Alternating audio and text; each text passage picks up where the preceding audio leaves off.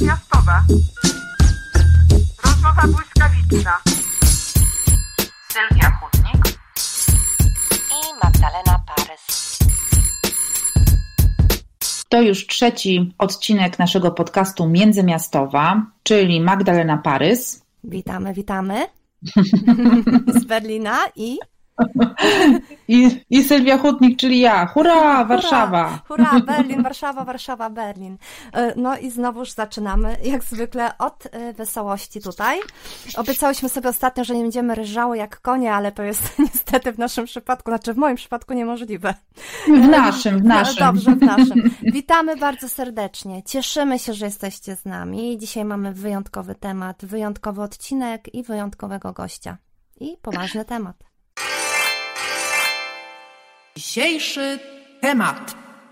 Tak, ten temat właściwie urodził się w trakcie naszej pierwszej rozmowy podcastowej, bo poruszyłyśmy kilka wątków. To był taki odcinek Poznajmy się, gdzie próbowałyśmy pokazać, czym się zajmujemy, skąd pomysł na podcast. I wtedy też pojawił się temat PRL-u. Ja już nie pamiętam, on wyszedł, zdaje się, od Twoich, Magdo, wspomnień z e, czasów Chyba też tak. emigracji. Tak. E, i, I po tym, jak, jak mówiłaś o, o Berlinie, też tym Berlinie podzielonym. Mhm Euh, I pomyślałyśmy sobie, że te kilka wątków, które się tak samorodnie jakoś gdzieś pojawiły w czasie naszych konwersacji, że warto je e, potem rozwinąć i z nich robić oddzielne odcinki po to, aby, aby były one tematyczne. Stąd dzisiaj e, Polska Rzeczpospolita Ludowa, a raczej e, czas Europy Wschodniej i Zachodniej przed 1989 rokiem. Mm, będziemy miały w czasie naszego odcinka również gościnie Magda Grzebałkowska, ale hurra, bardzo dziękujemy Magdzie, że zechciała z nami być. Zanim to jednak nastąpi, e, to pomyślałyśmy sobie, że najpierw my powiemy trochę o, o tym PRL-u e, i myślę, że mogłabym zacząć swoją część, swoje expose. No jestem niezwykle ciekawa, zaczynaj Sylwio. No. Dla mnie to jest mhm. bardzo taki trudny temat z tego względu, że zajmuję się nim naukowo. Mój doktorat y, dotyczył y, pierwszej połowy lat 50. i mhm. życia codziennego w Warszawie. W związku z tym zawsze, y, kiedy ktoś mówi, PRL, to ja od razu y, podnoszę rękę i mówię, przepraszam bardzo, ale która część PRL-u? Bo wydaje mi się, że jest różnica między e, czasami stalinowskimi, e, czasem od 53 mniej więcej do 56 roku, czyli od Wilżą. E, to jest akurat ten czas, którym ja się zajmuję naukowo. No właśnie, tym, co potem po 56 roku się zdarzyło w Polsce. Lata 60., 70. i tak naprawdę y, też y, można by, gdyby się uprzeć, podzielić lata 80. Tak. No, jest różnica PRL-u właśnie choćby czasów tych, tych y, tuż powojennych i tych tuż przed 89. Tak. E, dlatego też temat jest dla mnie trudny i złożony, bo, bo, bo zawsze chciałabym drążyć, o której dekadzie XX mm, wieku mówimy. No ale mam też y, taki, taką trudność, ponieważ moje nie tyle poglądy, ale jakby opinie też mm, czy odczuwanie tego czasu ewoluuje i, e, i, i, widzę u siebie też zmianę wynikającą z pewnego rodzaju dyskursu antykomunistycznego, który dominuje w Polsce. E, ja zawsze byłam bardzo lewicowa, e, anarchistyczna wręcz, też wychowywałam się na Żoliborzu, więc cała jeszcze ta przedwojenna tradycja samopomocy, samoorganizowania się spółdzielni była dla mnie bardzo bliska i bardzo mhm. ważna i w ogóle słowo kolektyw odmieniałam i odmieniam do tej pory przez różne przypadki, mhm. Mm, więc y, niejednokrotnie byłam oczywiście y, obsmarowywana jako lewaczka, mhm. bolszewik mhm. i tam całą resztę.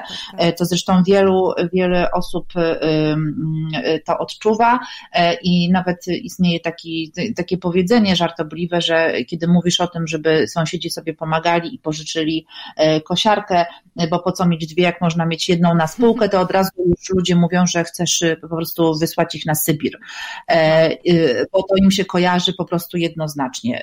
Też jestem socjalizmem, który tak. oczywiście tam mi po prostu gromy.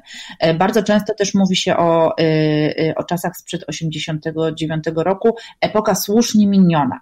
Mhm. Pewnie tak, natomiast ja, ponieważ mam bardzo lewicowe poglądy, wiele rzeczy, wartości tak naprawdę, no niestety to głównie teoretycznych, które były proponowane po wojnie w Warszawie, w Polsce, ale też mówię w Warszawie, bo się, bo się mhm, nią tak, zajmuję tak. naukowo, Polsce, ale tak naprawdę w ogóle w tym takim bloku wschodnim, wiele z tych y, teoretycznych części jest mi po prostu szalenie bliskie. I jakkolwiek y, pobijanie rekordów, rekordów 200% normy i cała reszta, chociaż ja osobiście same swoje 200% y, pobijam non-stop i ty zdaje się, Magdo, też masz podobnie, jeśli chodzi o pracę, którą hmm. wykonujemy, tak. że jest jej dużo, dużo, dużo i same siebie jeszcze chcemy przeskoczyć i pokazać, że jeszcze bardziej możemy tak, wydajniej tak. pisać, pracować, jeszcze robiąc szybciej. to rzeczy na raz i jeszcze szybciej, więc mhm. to akurat nie będę udawała, że nie jest mi bliskie.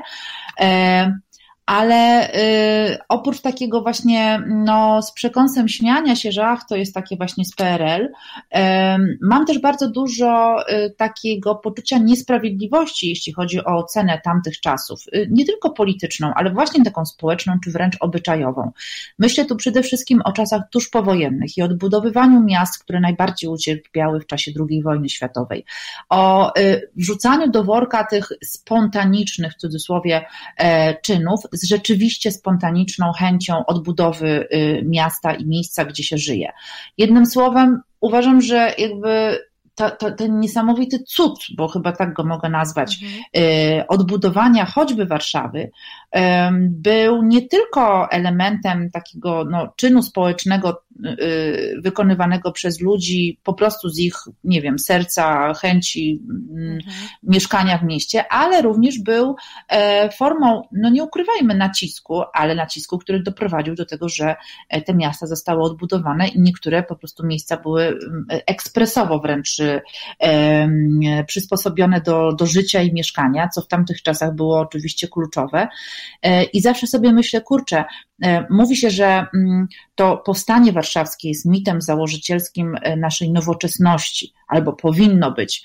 Jak coś, co, zostało, co, co było taką tragedią e, przede wszystkim mhm. osób cywilnych, może być jakimś mitem założycielskim. Tak, tak. Mitem, według mnie, powinna być odbudowa choćby Warszawy, ale też innych miejsc w Europie, które ucierpiały na skutek wojny. To znaczy, mitem powinny być te, ta niebywała praca, która została włożona i serce przy okazji w to, aby, aby nasze miasta wyglądały wyglądały tak, a nie inaczej. Stąd y, mam zawsze dysonans. Powiedziałam wcześniej o tym takim dyskursie antykomunistycznym, który wrzuca do jednego wora po prostu 100 tysięcy różnych y, rzeczy. I tak naprawdę dla mnie przynajmniej ma takie taką funkcję zatykania ust, no mogę powiedzieć śmiało, cenzurowania, mhm. e, zawsze wtedy, kiedy chcę powiedzieć o tych fajnych założeniach y, z czasów PRL-u. Od razu mam taką, mhm. patrzą się ludzie na mnie i mówią, no nie, no przepraszam bardzo, mhm. nie można tak mówić, przecież, y, albo na przykład mówią, a no wiesz, bo ty jesteś, y, ty nie pamiętasz tych czasów, no nie, no tak, oczywiście, tak. że pamiętam, jestem rocznik 7-9, bez przesady, albo czy ty sobie nie zdajesz sprawy, ile ludzi ginęło w więzieniach, ale oczywiście, że sobie zdaję sprawę. To, że pokazuję i chcę tak naprawdę skupiać się na tych też pozytywnych elementach, na przykład jeśli chodzi o równouprawnienie kobiet i mężczyzn, mhm. nie znaczy, że nie mamy, że jestem ślepa i nie widzę, że to w dużej mierze nie działało w praktyce, co nie znaczy, że te założenia były błędne.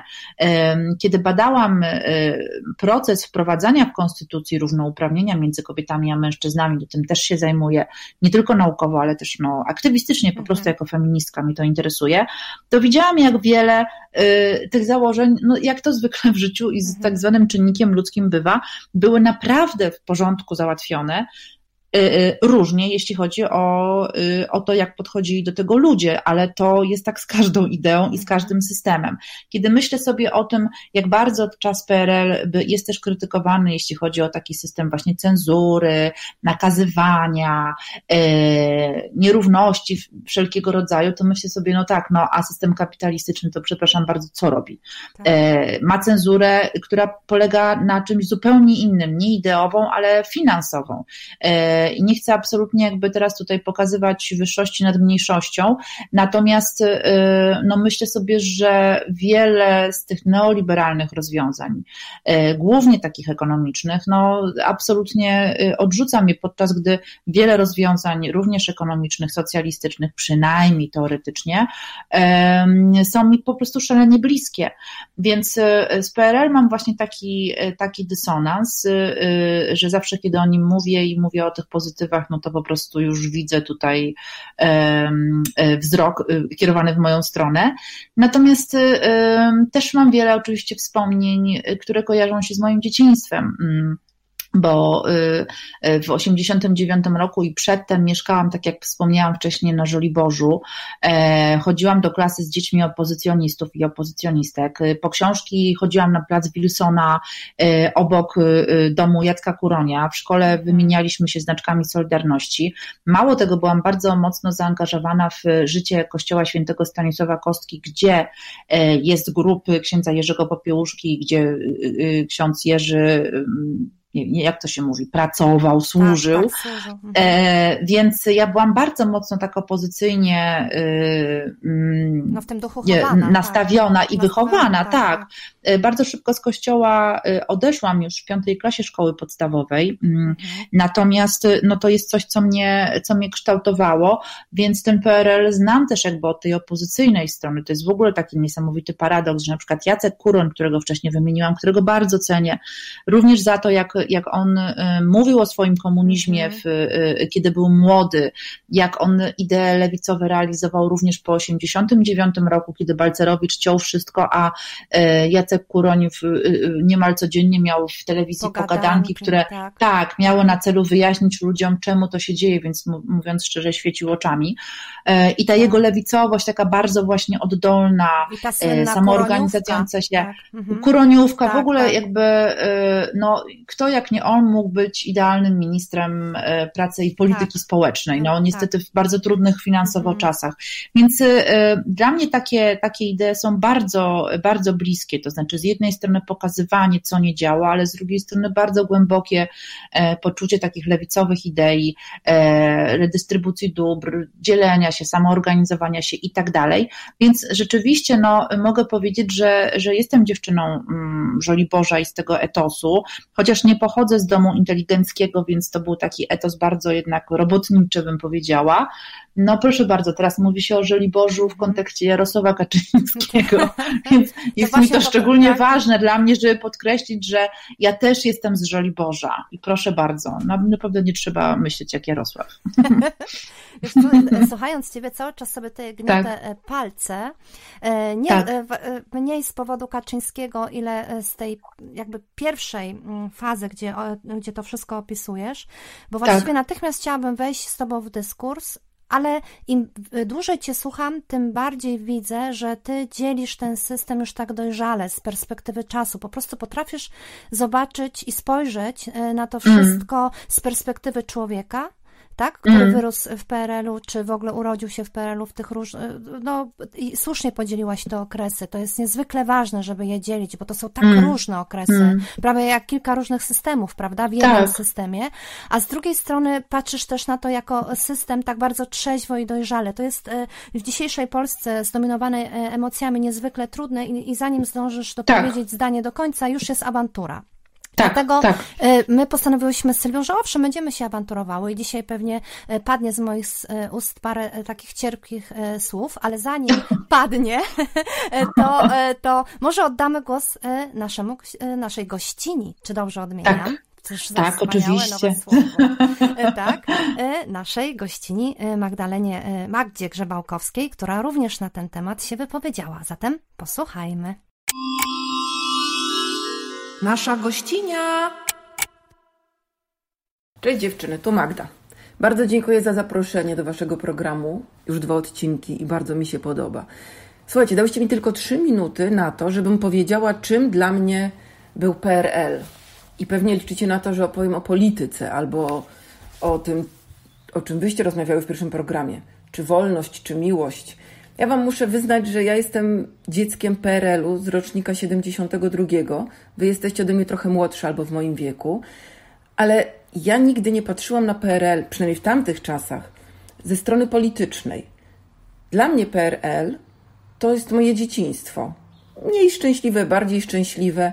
Nie miałam punktu odniesienia, nie byłam nigdy za granicą w czasach PRL-u, więc nie wiedziałam, że może być lepiej, chociaż oczywiście PRL to także paczki od cioci Heli z Mannheimu, siostry mojej babci, która przysyłała nam jakieś rzeczy, jakieś mydła, jakieś metkę. Metka, taka, taka kiełbaska. Uwielbiałam ją. I pamiętam, jak ta paczka była otwierana u babci w pokoju i tak wylatywał zapas, zapach zachodu. To był dla mnie PRL. Ale nie tylko oczywiście. Mam tutaj taką listę, tylko nie wiem, czy się zmieszczę w trzech minutach, ale spróbuję. Taką listę rzeczy, które pierwsze skojarzenia, które y, dla mnie są PRL-em. Dla mnie jako dziecka, które w czasie stanu wojennego ma zaledwie kilka lat. Rzecz pierwsza to igła. Już od kiedyś o tym opowiadałam Włodkowi Nowakowi i wykorzystał to w swojej książce reporterskiej pod tytułem Niemiec. Chodzi o to, że za czasów PRL-u zdobycie igły z kompletu igieł do szycia było prawie że niemożliwe. Tak to pamiętam. Ja nie jestem z rodziny, która była bardzo obrotna i nikt z mojej rodziny nie jeździł e, na Węgry z ręcznikami i przywoził kremy Nivea, czy na odwrót tak było. Nie jeździł nikt do Rosji po złoto. Byliśmy zwykłymi zjadaczami chleba, niezaangażowanymi w politykę, a jeżeli tak, to ja o tym nic nie wiem. Po prostu jakoś płynęliśmy z nurtem, ale nie byliśmy, tak mi się wydaje, prorządowi zdecydowanie. Znaczy, prokomunistyczni. Nie wiem, jak to powiedzieć, czy to w ogóle był komunizm, to jest też pytanie. W każdym razie, dlaczego igła? Bo pamiętam, że igła u mnie w domu była święta była tylko jedna albo dwie igły. Nie mamy zbyt wysokiej kultury szycia. Z moją mamą nie miałyśmy. W związku z tym, no ale trzeba było czasami coś szyć. Na lekcje yy, zajęć praktycznych trzeba było mieć igłę, trzeba było przyszyć guzik, zaszyć rajstopki. Przecież to gdzie zdobyć rajstopki albo w ogóle guzik zdobyć, to też był cud. W związku z tym igłę traktowało się jako świętość. I powiem Wam, że to mi zostało do dzisiaj. Ja już mam pełno igieł. Kultura szycia u mnie nie wzrosła, nie mam talentu yy, manualnego, ale igły traktuję z olbrzymim szacunkiem. Mam takie ni, ni, nicienik, czy jak się nazywa, niciownik, takie pudełko, gdzie trzyma się igły, nitki, gumeczki, wstążki niepotrzebne, a które się mogą przydać. To też chyba z PRL-u, że zawsze coś się może przydać, prawda? I te igły są u mnie święte, ponieważ gdzieś z tyłu głowy mam taką świadomość, że co będzie, jak one się zgubią co będzie? O, widzę, że już trzy minuty minęły. Haha, a ja jeszcze nie powiedziałam wszystkiego. Więc powiem Wam tylko, co yy, mam na liście. Już się zamykam. Uwaga, na liście wypisanej są w PRL-u kolejki po zeszyty, długie, gigantyczne kolejki w pierwszej klasie, to jest rok 79. Stoję w kolejce do sklepu papierniczego na Przymorzu w Gdańsku i mam kartkę na zeszyty. I wydają mi tyle zeszytów, ile ich jest na kartce. To pamiętam. Pamiętam, że jako absolutny luksus były naklejki na zeszyty z pszczółką Mają i z Guciem. Naklejki były białe, a pszczółka Maja i Gucio byli wytłoczeni na złoto. To po prostu był jakiś, nie wiem, cud równany klejnotą Jagielonów. Naprawdę coś pięknego. Potem, co mi się jeszcze kojarzy z PRL-em? Czerwone skafandry. Moja babcia mówiła na kurtki zimowe skafander, to u nas się przyjęło. Babcia Klara tak mówiła. W związku z tym pamiętam, że wszystkie dzieci chodziły tak samo ubrane, bo w pedecie były takie same ubrania. Oczywiście no poza wyjątkami, ale jednak większość. I dlaczego PRL szył głównie czerwone ubrania dla dzieci, skafandry, tego nie wiem. Ale pamiętam, Zdjęcia ze szkoły i z przedszkola są y, biało-czarne, więc nie zobaczymy y, dzisiaj koloru. Ale pamiętam, wszyscy mieli kurtki czerwone, przynajmniej dziewczynki. To takie, takie mam y, Taki mam widok w pamięci. Oczywiście pamięć płata figle. Co jeszcze z PRL-em mi się kojarzy? Nasz zgrzebny super sam na Przymorzu, w którym oczywiście czasami bywało coś, a czasami był ocet na półkach, a czasami nie było nic. I któregoś razu w dziale monopolowym, który został zlikwidowany, czy przeniesiony gdzieś, nie zlikwidowany, co ja mówię, przeniesiony gdzieś dalej, w takim dużym y, kącie otworzono Pewex. W Supersamie, tym takim biednym, w którym nic nie było, nagle jest Pewex, zamykany kratami. I pamiętam, że stałam w kolejce do kasy z moją mamą, oczywiście nie do Peweksu, i mama, i coś tam płakałam, że chcę jakąś czekoladę, czy lizaka, czy coś, byłam mała, a i mówię do mamy, mamo, ja chcę lizaka. Mama mówi, ale po prostu nie ma tych lizaków, czy tam jakichś czekoladek. A ja mówię, przecież tam jest. No nie odróżniłam Peweksu od jakiego sklepu. Dziwiłam się, że nie możemy pójść do tego sklepu, z którego tak obłędnie pachnie z daleka. I mama powiedziała, dziecko, to jest sklep za dolary. I ja się wtedy rozpłakałam, bo mama powiedziała, że tych dolarów nie mamy i kolejka zaczęła klaskać. No to może byliśmy jakimiś dysydentami. Poproszę legitymację yy, kombatanta. Co mi się jeszcze kojarzy? Bawiłam się z dzieciakami w podrzucanie ulotek. Rzecz w tym, że ja mieszkałam na Przymorzu w Falowcu w tamtym czasie i to było całkiem niedaleko od bloku na Zaspie, w którym mieszkał Lech Wałęsa. Kojarzyłam postać Lecha Wałęsy, to nie dało się wtedy y, nie kojarzyć. Pamiętam czołgi, pamiętam wozy opancerzone, pamiętam strach stanu wojennego. Jakoś tak bardzo mi się to kojarzyło też z Lechem Wałęsą. I pamiętam, że ulotki były i myśmy się bawili też w rozrzucanie ulotek. I kiedyś jakąś ktoś ulotkę znalazł chyba instrukcję do pralki i wydało nam się to strasznie ważne i podejrzane i chcieliśmy, zastanawialiśmy się, czy iść na milicję z tym, że ktoś tu rozrzuca ulotki. Patrzcie, małe dzieci donosicielskie już z nas rosły. To bardzo ciekawe. Kojarzy mi się jeszcze PRL z panią od fizyki. Miałam taką panią od fizyki bardzo surową, o francuskim nazwisku i chyba była z pochodzenia francuską, bo robiła notatki w swoim zeszyciku po francusku.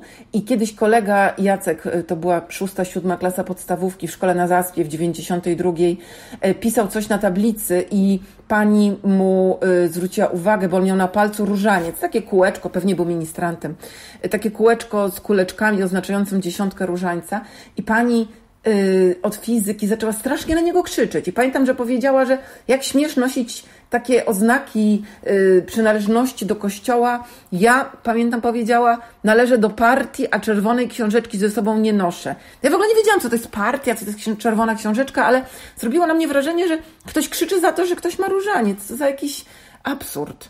I jeszcze y, pamiętam właśnie, że nic nie było i pamiętam jeszcze telefony, że można było wrzucić złotówkę, zadzwonić po przypadkowy numer i y, odbierał ktoś i można się było pośmiać. No ale to chyba już w każdym systemie i ustroju dzieci tak robiły. Dobra, kończę, bo widzę, że 7 minut. Całuję, ściskam i y, miłego programu. Pa!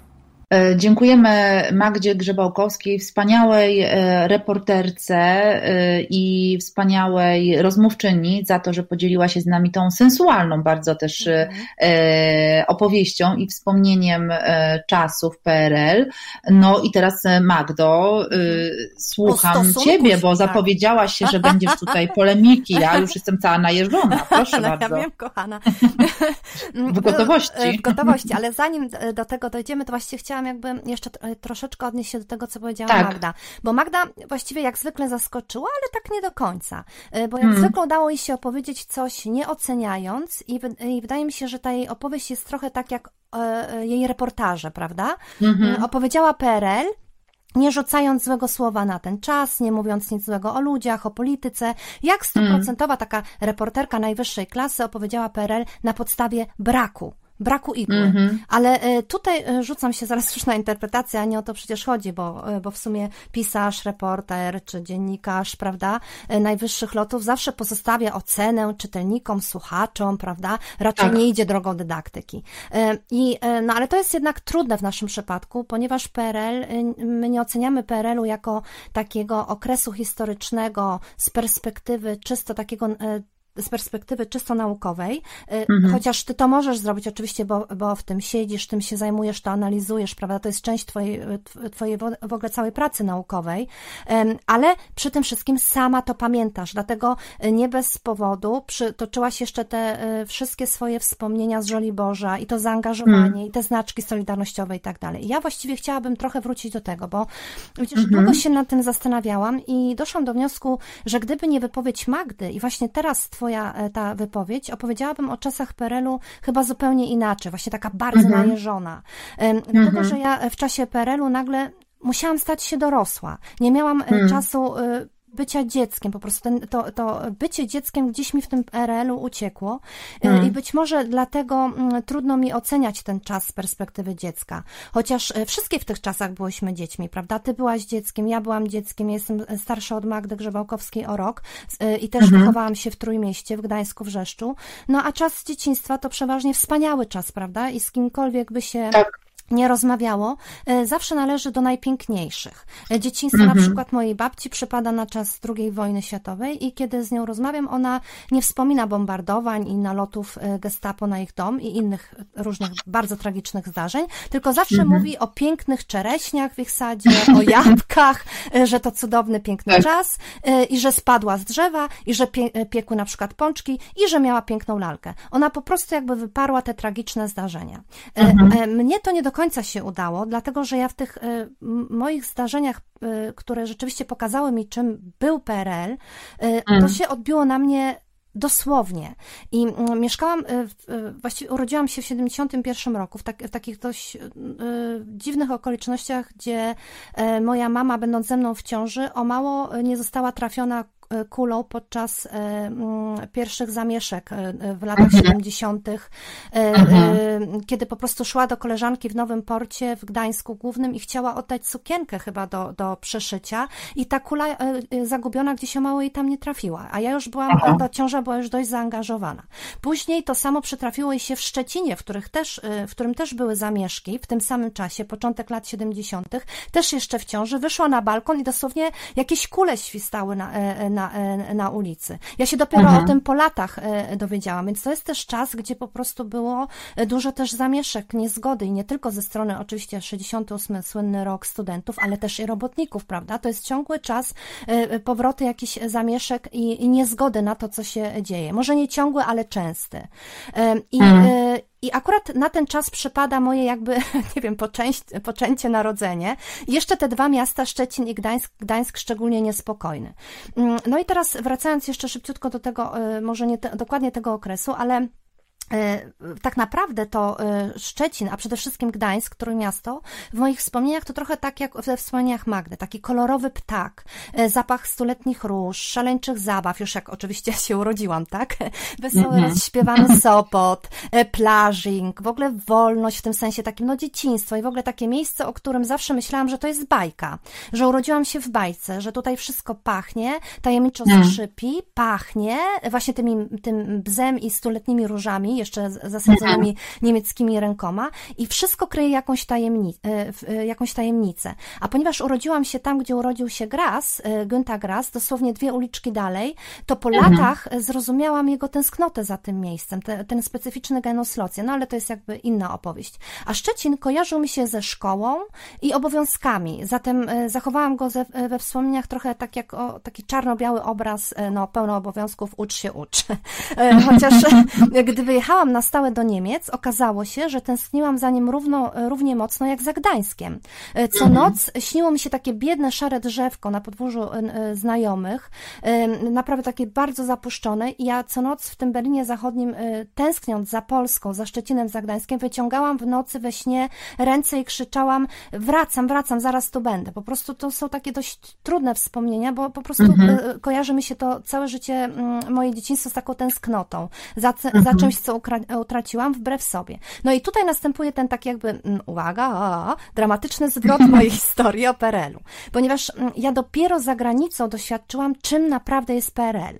I Magda mhm. wspominała słusznie, że gdy nie masz skali porównań, yy, yy, nie zdajesz sobie sprawy, że coś tak. gdzieś jest lepsze, ładniejsze, w ogóle jakiekolwiek. No i gdy przyjechałam do zachodniego Berlina i on był w tym wystawowym oknem zachodu, pięknym, rozkrzyczanym, bogatym, mm. natychmiast zapragnęłam uciec. To znaczy, chciałam natychmiast powrócić do Polski, e, do tych znanych mi szarości, do tego wszystkiego, tak. czemu ufałam, co kochałam i co znałam i gdzie czułam się dobrze. E, ale e, powrotu do Polski okazało się nie, nie będzie, dlatego że mhm. wyjechaliśmy według ówczesnych władz nielegalnie z Polski, E, I okazało się, że nie mogę wrócić do Polski, bo jeśli wrócę, żeby odwiedzić tatę czy babcię, to już nie będę mogła wrócić do mojej mamy do Berlina. I tutaj mhm. taka ściana, czyli ktoś mi coś zabrania, chociaż ja nikomu nic nie zrobiłam, ja chcę się tylko poruszać. E, czyli zabranie mi tej wolności, o której mówiłyśmy w pierwszym odcinku. E, tak. Później skonfrontowałam się z czymś, e, co nazywa się mm, jakby niezależność i normalność, e, że mhm. nie wolno, że nie możesz, że nie ma powrotu, a przede wszystkim z czymś, o czym często mówiła moja mama, że ona chciała koniecznie wyjechać z Polski tylko po to, żeby na ulicy, jakby jej się zachce, powiedzieć to, co myśli. Tak mi to mhm. już utkwiło w e, pamięci i rzeczywiście w Berlinie można było stanąć sobie na środku ulicy i powiedzieć, że Jaruzelski jest taki i siaki, a Regan taki i siaki, A, mhm. a w Polsce nie było o tym mowy. Czyli widzisz, nagle e, ten Berlin, ta, ta, ten zachodni chodnik, na którym mogłam sobie śpiewać o Jarozelskim czy o Reganie, uświadomił mi, że tutaj to mogę, a tam nie. Później mhm. w szkole zrozumiałam, że e, jak e, są lekcje polityki, które zaczynały się niezwykle wcześnie, bo nie tam już w piątej klasie i trzeba było przygotowywać takie pogadanki, to na, właśnie należało krytykować, należało się nie zgadzać z działaniami rządu, dyskutować, kłócić się, mhm. a w Polsce nauczyciele nauczycielka wyrzucała mnie za każde nie z klasy, ponieważ ja byłam, e, e, zresztą tak jak też wiele innych uczniów, ja nienawidziłam nosić tego strasznego siemiężnego fartucha. Po prostu mhm. E, wciskałam ten fartuch i tę tarczę. Była dla mnie, wiesz, jakaś w mnie głęboka niezgoda na to, żeby wyglądać jak wszyscy inni. Muszę być taka jak wszyscy inni. Nikt nie może być inny, czy jakiś bardziej kolorowy, czy w ogóle być sobą, tylko wszyscy musieliśmy chodzić w tych wstrętnych brązowych albo niebieskich fartuchach. Ja nigdy go nie nosiłam i bez przerwy lądowałam u dyrektora albo miałam jakieś uwagi wpisywane z tego powodu. Bałam się go nie nosić, ale czułam wewnątrz, że nie zgadzam się na to. Czyli widzisz, mm, to wszystko y, y, kojarzy mi się właśnie to, o czym ty mówiłaś, że z jednej strony jest ta wspaniała idea, za którą jestem i właściwie każdy młody człowiek, który nie był za młodo socjalistą, aktualnie mój syn przeżywa tę fazę, to później chyba zły człowiek, prawda? Natomiast y, e, konfrontacja z tym, co z tego wychodzi w praktyce, e, tak bardzo odbiła się na moim osobistym życiu, bo ja właściwie tak. straciłam ojczyznę. Straciłam język, ojczyznę, przyjaciół, rodzinę. Po prostu musiałam wyjechać i nie mogłam przez kilka lat do Polski wrócić. Hmm. Moje słanie listów do, e, do misji, bo nie było tutaj jeszcze wtedy e, ambasady, tylko misja wojskowa, to trzeba sobie wyobrazić, bo przecież Polska nie zaakceptowała nigdy Berlina Zachodniego, ani Niemców Zachodnich, prawda? Dopiero za tak. czasów Branta, to jest cała długa historia. Zatem proszenie, płakanie, albo na przykład w Polsce jeszcze przed wyjazdem, kiedy chodziłam po paszport e, e, i prosiłam o paszport, e, to zetknięcie się z człowiekiem, który jest ubrany, to mówimy o początku lat 80., które tak. znacznie różnią się oczywiście od czasów gierkowskich lat 70., czy tak. jak słusznie zauważyłaś, końcówki lat 80. i proszenie się o paszport. Jak można się prosić o paszport? Coś, co po prostu nam przysługuje. Tak. Zatem to są takie rzeczy, gdzie bezpośrednio one mnie dotknęły i mm, wywarły olbrzymi wpływ na moje, na moje życie i ciężko jak jakoś myśleć mi o tym, że to jest dobry czas dla Polski. Oczywiście. Aczkolwiek mhm. przyznaję Ci rację, bo się bez przerwy konfrontuję tutaj e, z Niemcami z NRD dla porównania, którzy właśnie mówią, dlaczego wy mówicie, że NRD było takie i siakie? Przecież ja wtedy żyłem, ja skończyłem tam szkołę, miał, urodziły się moje dzieci. Dlaczego przekreślając NRD przekreślacie też mnie? Więc rozumiem i wiem, o co w tym wszystkim chodzi, że mm, ludzie często się burzą burzą i mówią przecież, to co, to znaczy, że mnie nie było? E, ja się mhm. burzę na coś innego. Ja się oburzam, kiedy ludzie mówią, że to był cudowny mlekiem i miodem płynący czas, kiedy wszystko było niemal za darmo i tak dalej, bo co z tego, że było za darmo, jak tego nie było, e, prawda? E, mhm. Albo, no dobrze, bo wchodzimy i ja nie skończę i wcale też, jak sama widzisz, zgrzytały mi palce, e, gdy mówiłaś, ale mhm, już jestem mhm. na tyle dojrzała i jakby skończyłam odpowiednie kierunki studiów, że nabrałam dystansu do tego czasu i mhm. potrafię to zrozumieć, a wyżywam się w książkach i tam po prostu jadę jak po łysej kobyle po tych wszystkich agentach, e, tak? Więc wiesz, gdzieś indziej znalazłam upust. E, I no, okej, okay, no to jakby tyle. No dobrze. dobrze. Myślę, że, że to jest w ogóle temat, który tak naprawdę dopiero zaczęłyśmy, bo o, mogłybyśmy tak. tak. jeszcze godzinami na ten temat dyskutować, kłócić się, albo się zgadzać, albo, albo tak. w ogóle się zaskakiwać jakimiś interpretacjami. Mamy nadzieję, że nasi słuchacze i słuchaczki też włączą się do e, naszej rozmowy i Koniecznie. zostawią komentarze na ten temat ze swojej strony. A my przechodzimy do kolejnego punktu naszej audycji, stałego już można powiedzieć przy naszym trzecim spotkaniu, to znaczy pytania, niespodzianki dla drugiej osoby. Oczywiście, ale zanim to się wydarzy, moi drodzy, to mamy dla Was cudowną niespodziankę. Jak w żadnym innym podcaście, u nas jest muzycznie. Posłuchajcie, Sylwia Hutnik. Przepraszam, musiałam. Nie powinno się jak bokserskie. Sylwia Hutnik. Dokładnie. Sylwia Hutnik, teraz challenge! Zawsze wolałam Madonnę od rapu, więc raczej nie doszłam do tego etapu, gdzie się ścigać należy we własnej domowej i skromnej odzieży. Poza tym, ten challenge utonął w ostrym mgły cieniu. Ktoś zamiast pomagać chciał użyć sumieniu skandalem. Nazywam tę akcję, gdy brak hajsu na zdrowia ochronę, a są miliony na królów koronę.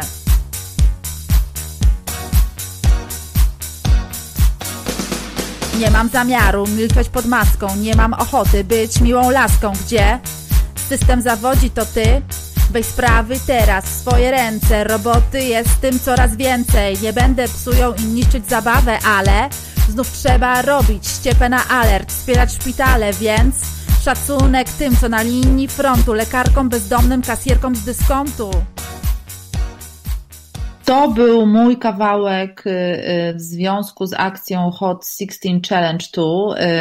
Y, cała ta akcja powstała w internecie, aby zbierać pieniądze na walkę z koronawirusem i mnóstwo osób się w nią włączyło.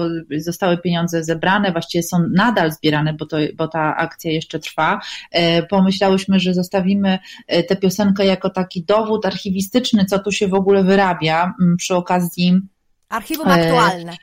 Archiwum aktualne, tak, przy okazji oczywiście pandemii, ale tak naprawdę ja mam nadzieję, mam wrażenie, że to mogłoby być równie dobrze jakby e, elementem naszej dyskusji w ogóle o systemach politycznych, bo Polska przede wszystkim myślę, że nie tylko, ale, y, ale ją oceniać mogę, y, no staje się takim państwem ściepą, to znaczy my zbieramy na wszystko, od maseczek przez właśnie e, wsparcie y, osób na tak zwanej pierwszej linii frontu i całej reszty, więc niech, niech ta piosenka i fragment pozostanie jako, jako archiwum teraźniejszości, jak Magdo powiedziałaś. Dokładnie.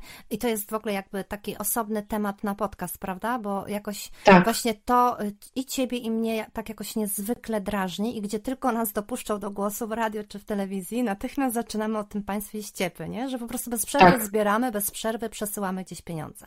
Jednak tak. zanim omówimy y, same, jaki będzie nas, nasz następny temat, czy kolejne tematy, to jednak wracamy do naszego stałego punktu programu. Uwaga, pytanie. Pytanie niespodzianka. Sylwio, najdziwniejsza rzecz, jaka zdarzyła Ci się podczas spotkania z czytelnikami? Oto moje pytanie, niespodzianka dla Ciebie. e, oczywiście było tego trochę. E, najszybsza taka y, y, odpowiedź, która mi przychodzi na to pytanie niespodzianka, to jest takie, że E, kiedyś, e, ale właściwie tuż po spotkaniu autorskim podeszła do mnie pani i mówi, mm, e, już tak skracając opowieść, że jest koleżanką mojej mamy z E, z pracy, no i tutaj jakby tam opowiedziała mi jaka, ja od razu jakby e, e, poznałam ją, może tak, może nie poznałam jej tak no z twarzy, bo minęło dużo lat, ale z opowieści jak najbardziej, ona mi tam wyjaśniła, to było tam właśnie w 92, coś tam, coś tam, mhm. no i zadzwoniłam do mojej mamy i mówię, że ej, zobacz, przyszła ta, ta twoja koleżanka, mama się ucieszyła, od razu zapytała, no jak wyglądała, a co u niej?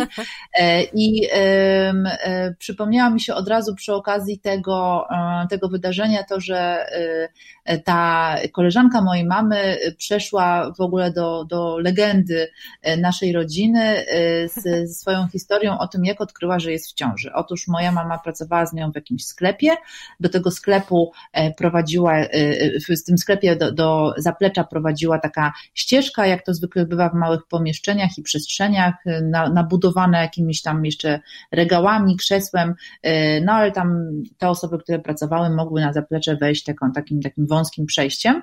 No i e, kiedy ta właśnie koleżanka mojej mamy oznajmiła e, reszcie załogi, że, że spodziewa się dziecka, no to powiedziała, że on mówi tak, ojejku, ale to który miesiąc? No tam czwarto, jej, tak, tak mhm. szybko, joj, joj. I ona mówi, no tak, no właśnie wiecie, tak na początku to nie byłam pewna, ale tak przechodziłam codziennie tym przejściem i tak się coraz mniej tam mieściłam. I, e, po prostu w mojej rodzinie jest tak, że jak tam coś się mówi o ciąży, no to no tak, no pewnie się nie mogła zmieścić między regałem a ścianą. E, I pomyślałam sobie wtedy e, przy okazji tego spotkania, po spotkaniu mhm. autorskim, że, e, że ja takich sytuacji, nie chodzi o ciążę, ale sytuacji tak zwanych postaci z przeszłości miałam naprawdę dużo i czasem to były jakieś, nie wiem, sytuacje typu na spotkaniu pojawiła się dziewczyna, której 10 lat temu sprzedałam mieszkanie i która w ogóle wyjechała potem do Meksyku, wzięła ślub, rozwiodła się, wróciła do tego mieszkania, zaprasza serdecznie i w ogóle. Mm -hmm. Jakieś postaci z podstawówki po prostu w ogóle zamierzchłych czasów, właśnie PRL. E, naprawdę jakaś taka, mm, że te spotkania autorskie stały się po prostu też e, pretekstem do spotkań z, z przeszłością tak, właśnie. z przyjaciółmi, Więc... prawda, że pełno jakieś tak. przyjacielskie. Mhm, serdecznie zwykle. Tak. Mhm. Tak, i czasem nawet to zataczało takie kręgi, że pamiętam, że w niektórych miastach, y, y, gdzie żyją y, znajomi, którzy na przykład nie mogli tego dnia przyjść na spotkanie ze mną, wysyłali swoich znajomych mhm. i pytali, słuchaj, nie mogę być dzisiaj, bo coś tam, coś tam, ale wiesz co, wysyłam moją koleżankę albo wysyłam moją mamę. I mhm. że to nawet już takie było naprawdę jakby szeroko zakrojona akcja postaci z przeszłości, żeby po prostu przyjść na spotkanie i, i wspierać. Wspaniale, wspaniała, wspaniała historia. To też tak często funkcjonuje. E, ostatnio miałam taki przypadek właśnie też we Francji, że e, te osoby, ponieważ tam znam, poznałam paru dziennikarzy, to oni też często wysyłają swoje mamy, swoje ciocie, swoich tak. wujków na te spotkania. To są wspaniałe tak. akcje. Pytanie niespodzianka. Ja natomiast chciałabym zapytać się, chyba nawiązując trochę do początku naszej rozmowy i o tego, i o tym, o tych 200% normy i biciu rekordów swoich własnych i współzawodnictwie, mhm. chciałam mianowicie zapytać się ciebie, Jaki ty masz sposób na odpoczynek, ale nie odpoczynek taki, że między pisaniem wstaniesz i się rozciągniesz od komputera, ale taki totalny, totalny reset. Co ty wtedy robisz? O kurczę, właśnie chciałabym się zapytać, y, co ty robisz, żebyś mi powiedziała, co ja mogłabym robić. ja ci mogę powiedzieć za chwilkę, ale najpierw... wszystko powiesz. Y, jestem bardzo ciekawa, ponieważ szukam jeszcze ciągle. Y, dziękuję za, bardzo za to pytanie i myślę, że nie padło bezpodstawnie i przez przypadek, tylko jakoś się energetycznie połączyłyśmy w tym tygodniu ze sobą i zadało, zadałyśmy sobie właśnie takie pytanie, które nas, pytania, które nas w ogóle mają szansę zresetować Mhm. E, dla mnie najlepszym odpoczynkiem e, jest, powiem wprost, patrzenie w świece. To znaczy, ja muszę, hmm. muszę się, y, kocham medytację i niestety nie zawsze mm, jakby regularnie w nich uczestniczę. W czasie korony to nie było możliwe, bo wszystkie zgromadzenia były zabronione, wiadomo, te wszystkie ostrzeżenia tak. i tak dalej. Ale wczoraj właśnie po raz pierwszy pojechałam na medytację, znowuż, no to to było po prostu niesamowite, nie móc się przywitać ze wszystkimi przyjaciółmi, znajomymi i z tą osobą, która to prowadzi, e, ponieważ te y, środki ostrożności musiały być zachowane i tak dalej, ale jakby nie chcę już wchodzić wchodzić w temat korony, tylko dzisiaj pozytywnie.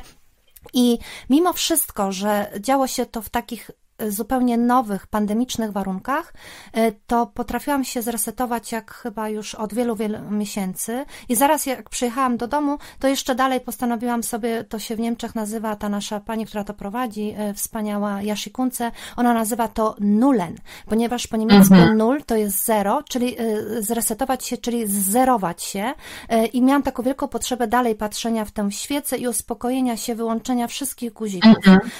My z Sylwią w ogóle, proszę proszę Państwa, kochani, musimy tutaj trochę zdradzić, jesteśmy pracusiami. Tak, nie dość, że ten sam znak zodiaku, to jeszcze po prostu zawsze pełno e, zadań. A e, tylko, że Sylwia pracuje naprawdę, a ja trochę udaję, że pracuję. To znaczy, dużo e, Sylwia ma zawsze kalendarz i wszystko tak po prostu ma poukładane i każdą minutę wykorzystaną i, i to wszystko jest takie, że ona jest takim jakby dla mnie naprawdę wzorem i, i często, często słucham właśnie i to mnie tak motywuje, żeby ten czas jeszcze lepiej wypełnić i żeby nie tracić go gdzieś przy jakimś głupim serialu czy jakimś niepotrzebnym e, portalu, który znów mi nic nie powie, tylko zajmie mi pełno czasu mhm. I, i, i jakby wprowadzi zupełnie na tematy tak ja to nazywam zawsze temat plastiku, e, który w ogóle jest, wiesz, zanieczyszcza mi głowę i jeszcze ziemię. Mhm. Natomiast e, rzeczywiście, mm, jeśli już tyle pracujemy, to resetuje się właśnie przy, przy tych medytacjach. Kocham mhm. też cross trainer, czyli właśnie nie tyle jogging i bieganie, ile poruszanie się na takim rowerze, gdzie i nogi pracują, i ręce pracują. Też wspaniale to resetuje. I co jeszcze jest wspaniałe? No, Boże, cóż jest najwspanialszego dla nas? Nam trzeba po prostu zabrać wszystko, Sylwio, prawda? Dopiero na ten, e, bo nawet jak się, wiesz, świeca, to też jednak jest jakaś czynność i tak dalej, prawda? Bo to po to, żeby później się lepiej pracowało. No nigdy to nie jest takie do końca. Dlatego najlepiej dla Sylwii, e, z tego co wiem, góry, gdzie się jej wszystko zabierze, tylko huśtaweczka, buju, buju, a dla mnie gdzieś tam nad, nad morzem, e, gdzie po prostu nie mam dostępu do komputera, do internetu, do komórki i po prostu jest tylko morze i ja i jest cudownie i nic nie muszę. Wow. Mm. Aż się rozmarzyłam. No. A właśnie, bo widziałam Cię ostatnio na tej huśtaweczce i tak sobie pomyślałam, Boże, tak Ci tego życzę, żebyś tam tak. się huśtała i huśtała i odpoczywała dalej. Tak, jest bardzo dużo e, też e, w ogóle na temat pracy, co myślę, że jest też e, ciekawym tematem naszych przyszłych odcinków, prokrastynacja, ale też ruszanie z takim kreatywnym, z kreatywną pracą, zmuszanie się albo motywowanie. Tak. W każdym razie, no czasami jest tak, że się robi coś, bo, nie powin, bo powinno się robić coś innego. No właśnie prokrastynuje. Mhm. Artur Rojek nazywa, że to to jest takie intensywnie, intensywne machanie rękoma, y, żeby tak wszyscy widzieli, że coś robisz, robisz, robisz i tylko najbliżsi wiedzą, że to jest totalna ściema, bo powinnaś robić coś absolutnie innego, a tutaj właśnie posprzątasz. A no właśnie, Więc a to jest takie... nie, tak, nie będzie mówił, że siedzisz i robisz nic, no, ale to, co robisz jest bez sensu. No właśnie, to e, bardzo, no. tak, i to mi właśnie bardzo przypomina, e, przeważnie jak się rozmawia z pisarzami, czy z reporterami, dziennikarzami, którzy mm. muszą koniecznie na jutro, czy na pojutrze oddać jakiś tekst i to już jest tak. ewidentnie ten ostatni termin, no to wtedy zaczyna się pielęgnacja, a nawet restauracja biurka. Nie tylko e, wyciąganie z szuflad, ale też, o tutaj jest jakaś ciemna ścianka, e, plamka, może warto to papierem ścierym zetrzeć, trzeba zakupić książkę na ten temat, trzeba poszukać tej książki w internecie, trzeba już ścierać, trzeba już e, dokonać renowacji. Oraz oczywiście nasz ulubione zajęcie Sylwii moje, wyszorować lodówkę.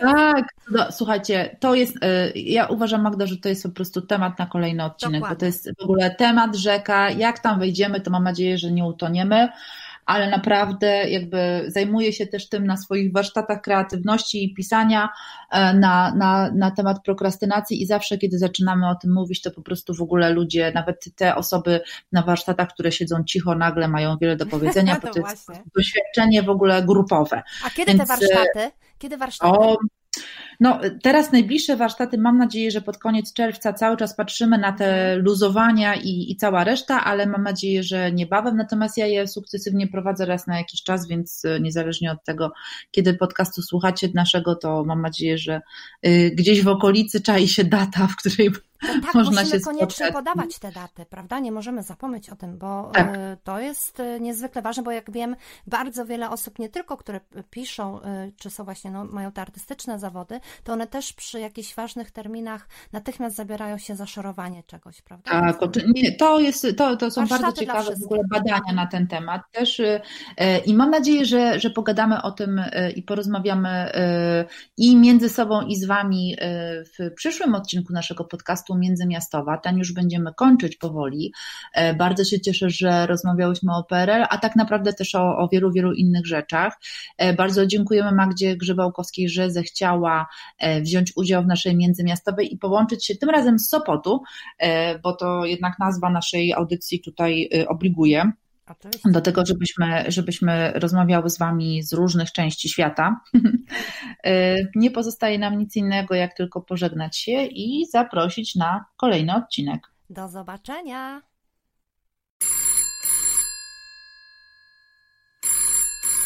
Miastowe. Rozmowa błyskawiczna. Sylwia Chudnik i Magdalena Parys.